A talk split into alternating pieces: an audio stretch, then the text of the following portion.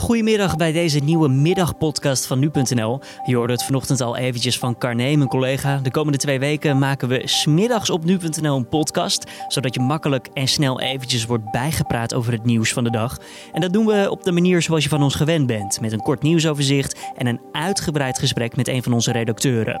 Vandaag is dat rechtbankverslaggever Lisa van der Wal. Die vertelt namelijk over wat zich heeft afgespeeld in de rechtszaal met Gugman T. Die staat terecht voor de tramaanslag in Utrecht van vorig jaar. Dus toen uh, spuugde hij, hij deed opeens zijn hoofd vrij, ik heb het zien gebeuren. Uh, op, spuugde hij opeens uh, vol naar zijn advocaat, waarbij hij hem ook raakt. Op zijn schouder was dat volgens mij. Straks dus meer daarover. Mijn naam is Julian Dom, het is vandaag 2 maart en dit is de Dit Wordt Het Nieuws middagpodcast. Nederland telt inmiddels 18 mensen die zijn geïnfecteerd met het coronavirus. Dat meldt het RIVM. Vandaag zijn in totaal 8 nieuwe gevallen vastgesteld. Bijna alle nieuwe patiënten zijn onlangs in Noord-Italië geweest of hebben het virus gekregen van een gezinslid die daar is geweest. Naar de gevallen waarbij dat niet zo is, wordt nog onderzoek gedaan naar de precieze bron van het virus.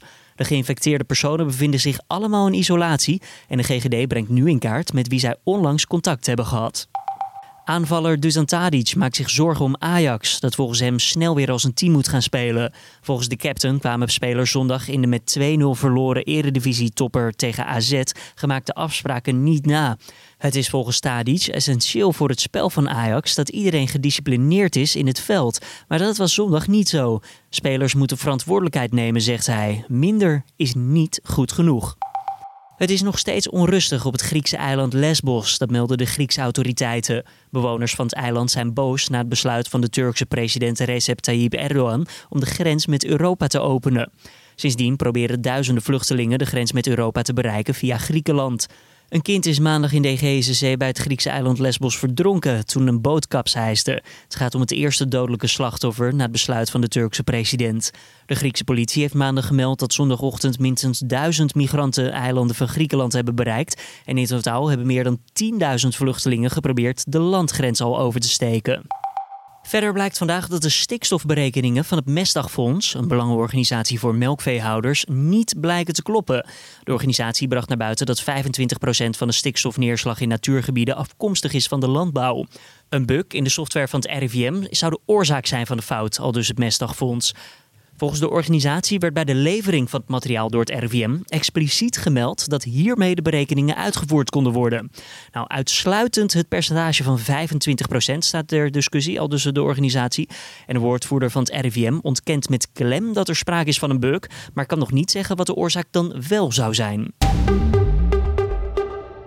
Dan gaan we naar ons gesprek van deze middag. Rechtbankverslaggever Lisa van der Wal was bij de zaak tegen Gugman T. die terecht staat voor de tramaanslag in Utrecht, die aan vier mensen het leven kostte. Lisa, je hangt inmiddels aan de telefoon. Uh, laten we even beginnen met toen jij binnenkwam. Hoe was de stemming toen in de zaal? Nou, ik denk bij de nabestaanden en de slachtoffers vooral gespannen.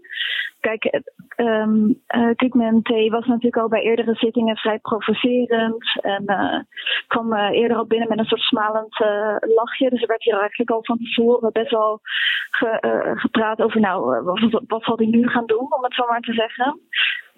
En ja, dat, dat, uh, die gespannen houding heeft zich eigenlijk gedurende de dag wel doorgezet. Hij wordt voor vier moorden met een terroristisch motief en pogingen tot moord vervolgd. Uh, over hoe dat zich allemaal heeft afgespeeld, daar werd ook een reconstructie getoond in de zaal. Wat viel jou daarbij op toen je dat zag? Nou, wat eigenlijk vooral opviel is dat uh, toen T de tram binnenkwam met allemaal andere passagiers, liep hij eerst eigenlijk een beetje heen en weer.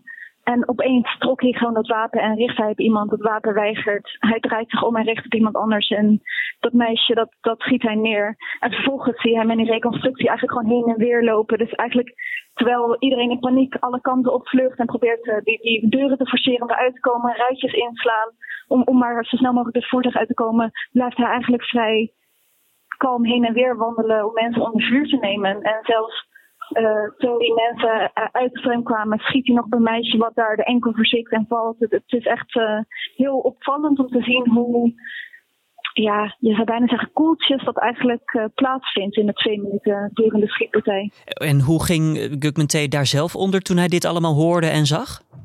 Ja, dat is natuurlijk een heel ander verhaal. Hij heeft vooral heel smalend gekeken toen hij binnenkwam maakte hij ook echt oogcontact met, uh, met de nabestaanden die uh, achter mij zitten in de, in de rechtszaal. En dan hebben we het over nabestaanden die deze aanslag hebben overleefd? Of de mensen van... Nee, nee de nabestaanden van de dodelijke slachtoffers. Oké, ja. Die, die zitten achter mij in de zaal samen met uh, slachtoffers die wel op tijd uit de tram zijn gekomen. Um, en die, die, ja, hij maakte een soort van gek oogcontact met ze. Soms mompelt hij iets naar ze. Volgens mij zei hij iets van ketters of iets dergelijks. Het, het, het, was heel apart zijn houding. Naar de rechter zelf heeft hij zijn middelvingers een paar keer opgestoken.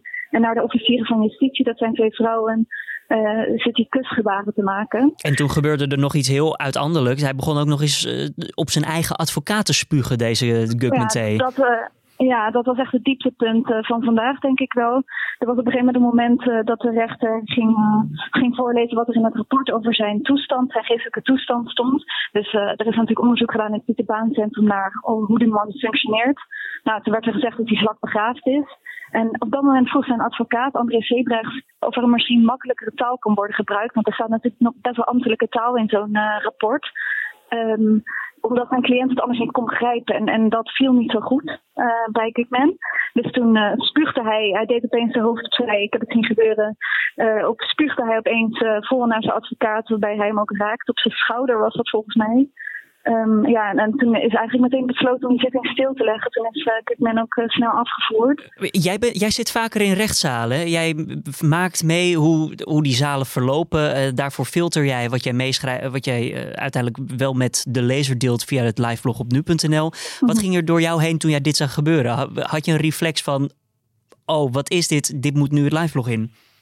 Ja, ik, ik dacht echt, oh, wat is dit inderdaad? Want ik, je ziet natuurlijk, hij zit een soort schuin voor me.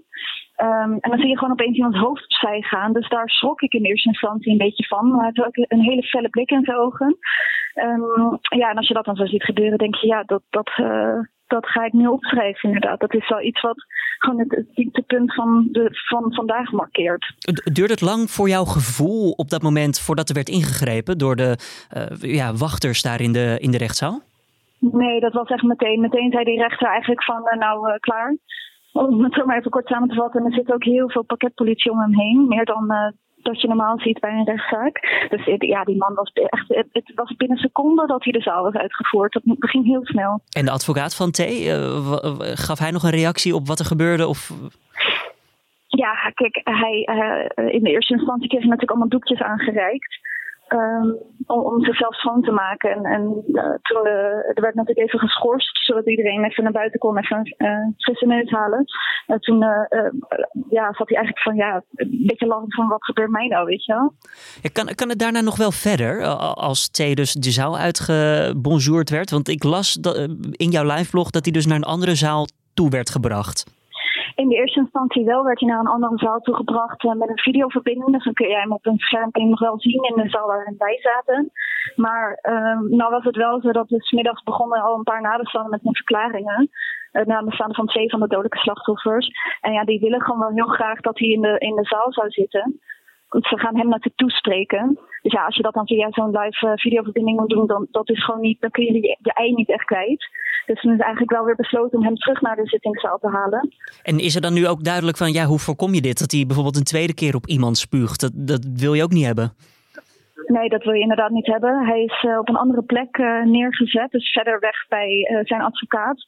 Zodat mocht hij nog een keer willen spugen, dat hij niet zou raken. Uh, nou zei ook de, de, vader van de doodgeschoten Roos ook van ja, doe maar anders een spuugkapje op. Maar ja, ik denk niet dat dat zo snel gerecht kan worden vraag me ook af of je überhaupt zou meewerken daaraan. Ja, als we het dan eventjes moeten hebben over een uh, mogelijke straf voor T. Hè? Waar moeten we dan aan denken? TBS, levenslang, uh, hoeveel jaar? Heb jij, durf jij een ja. schatting te maken? Gaat er iets door je hoofd? Ja, er zijn eigenlijk twee smaakjes waaraan je kan denken. Um, kijk, er gaat sowieso een hele hoge straf opgelegd worden. En um, het OM kan eigenlijk kiezen uit uh, ofwel levenslang.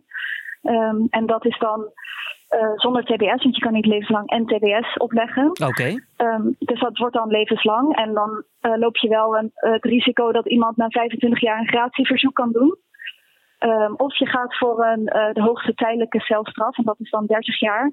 En dat kun je dan wel in combinatie met TBS doen. En TBS dus, zou dan betekenen dat je eindeloos, hè, zo gezegd, langer TBS krijgt en daardoor. Precies. Ja. En dan kan hij dus, en dat is ook een beetje, uh, ik heb ook eerder gesproken met uh, de vader van Roos, dat doodgeschoten meisje in de tram. En die zegt ook van ja, uh, levenslang of 30 jaar cel en TBS, dat kan allebei ertoe leiden dat hij gewoon voor eeuwig vastzit. En als jij TBS hebt, en kun je ook gewoon op de longstay terechtkomen en dan kom je ook, ook niet meer uit. Gaf hij toch een voorkeur, deze vader van Roos, naar wat hij liever heeft? Nee, nou, hij noemde allebei als, uh, als optie. En kijk, hij zegt ook wel van ja, wat er ook wordt opgelegd, ik krijg mijn dochter uh, toch niet mee terug. Dus. Nee, maar is er voor hem wel sprake van een soort van gerechtigheid dat ja, Guk meteen in ieder geval gepakt is en nog leeft en niet is doodgeschoten door de politie bij zijn arrestatie? Nou, hij wil nu vooral dat, dat Gugmente vooral heel sober leeft en geen enkele vrijheid krijgt. Maar hij gunt hem geen enkel plezier meer in zijn leven. Dat, uh, dat is er vooral uitgekomen. Als we kijken naar de komende dagen en weken, uh, wat, wat zit er nog aan te komen in deze zaak? Morgen is de hele dag uh, voor de andere nabestaanden en de slachtoffers. Dus dan krijgen we bijvoorbeeld de vader van Roos, die zal morgen zijn zegje gaan doen. En dan is Gugmente um, er ook weer bij? Ja, dan is Gugmente er ook weer bij, want dat is dus op hun verzoek. Um, maar ja, je moet natuurlijk altijd maar gaan zien uh, uh, wat daar uh, vooraf aan te pas moet komen om hem die zaal weer in te krijgen. Want, echt meewerken, dat zit er niet bij. Um, dan is woensdag even een dagje niks. En donderdag zal de strafeis gaan volgen. En de rechtbank die doet er dan meestal zo'n twee weken pak een beet over voordat zij met een uitspraak komen, hè? Ja, dat zal op 20 maart zijn. En dat is dus inderdaad over twee weken. Dan meer over de uitspraken van deze zaak op nu.nl. En dan nog even het weer voor deze avond en komende nacht. Buien trekken over het land, vanuit de zee naar het oosten toe. Later vanavond droogt het wel weer iets op. Aan de kust kan de wind nog wel vrij krachtig blijven. Vannacht krijgen we vooral veel opklaringen. In het land zal de temperatuur dalen tot rond het vriespunt. Daardoor kans op gladheid. Voorzichtig dan ook als je de weg op moet vannacht. Alleen aan de kust is het wel iets warmer te noemen, met zo'n 4 graden boven nul.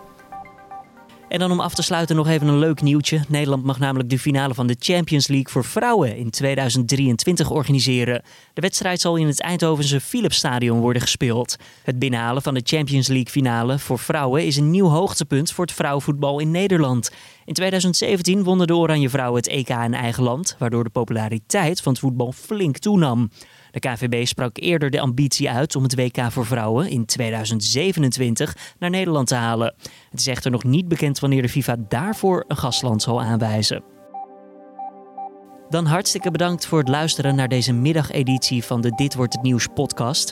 Wat vond je ervan? Dat kan je ons laten weten via podcast@nu.nl of laat een reactie achter in je eigen favoriete podcast app. Ontbreekt er bijvoorbeeld iets wat jou betreft in je middagritme wat je wel in deze podcast zou willen horen? Laat dat zeker aan ons weten, want de komende twee weken nogmaals testen we met deze afleveringen in de middag. En het kan zomaar zijn dat morgen totaal anders klinkt dan vandaag. En dat doen we niet zomaar, want we willen gewoon zelf ook kijken wat voor ons werkt. Net zoals wat voor jou werkt. Nogmaals, podcast.nu.nl als jij iets van feedback voor ons hebt. Mijn naam is Julian Dom. Ik wens je voor nu een fijne en veilige weg naar huis toe. En tot morgen.